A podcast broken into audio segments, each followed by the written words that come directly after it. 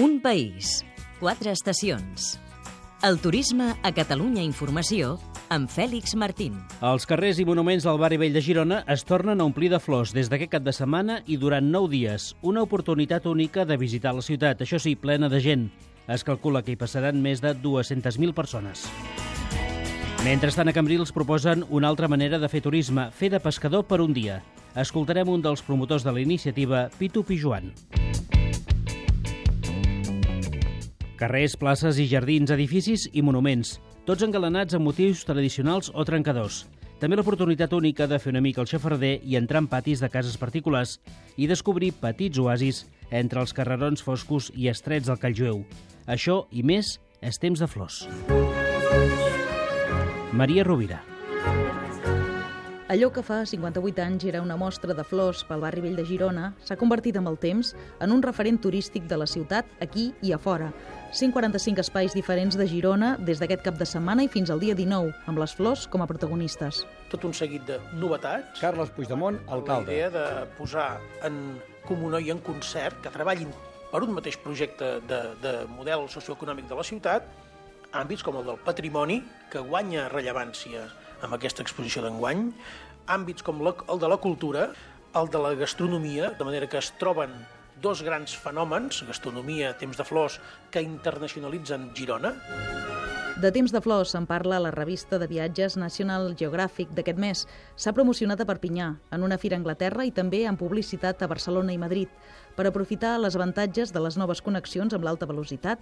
Entre aquest cap de setmana i el vinent, Renfe amplia el nombre de trens. Com a innovació, vuit trens especials entre Barcelona i Girona. Fèlix Martín, responsable de zona de l'AVE. Caps de setmana eh, són utilitzats per molts clients per apropar-se a Girona des de Barcelona i gaudir des del punt de vista d'oci i lúdic de la ciutat de Girona.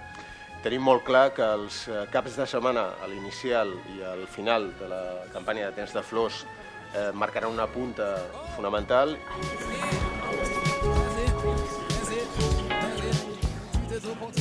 Un esforç d'organització i de pressupost que val la pena perquè el retorn econòmic per la ciutat és milionari. Ho concreta Coralí Cunyat, regidora de Turisme. Un milió d'euros per dia, per tant, eh, ojalà siguéssim capaços de, de crear molts esdeveniments d'aquest estil defensem l'esforç que s'està fent econòmicament i de recursos en la promoció eh, turística i comercial de la ciutat.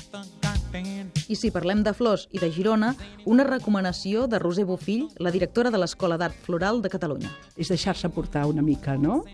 Uh, I aquest casament entre arquitectura i art floral jo crec que és molt insòlid i realment esperem que això pugui eh, continuar molts anys més. No?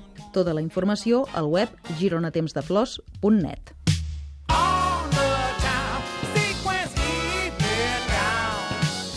I de les flors de Girona al pescaturisme de Cambrils. El protagonista.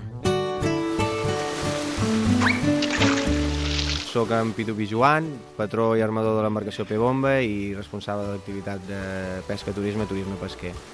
Us vull presentar l'activitat de turisme pesquer i pesca turisme. Turisme pesquer consistirà en una activitat paral·lela en la qual s'aportarà la gent amb una embarcació eh, habilitada i còmoda perquè la gent pugui veure de la manera més propera i pròxima el que seria un dia o una jornada de pesca amb totes les comoditats que això comporta, poder degustar el ranxo mariner, el local de l'indret, a prop de, davant del mar, i l'altre consistiria en portar la gent a dalt de la barca i, i disfrutar d'un dia sencer de, de pesca.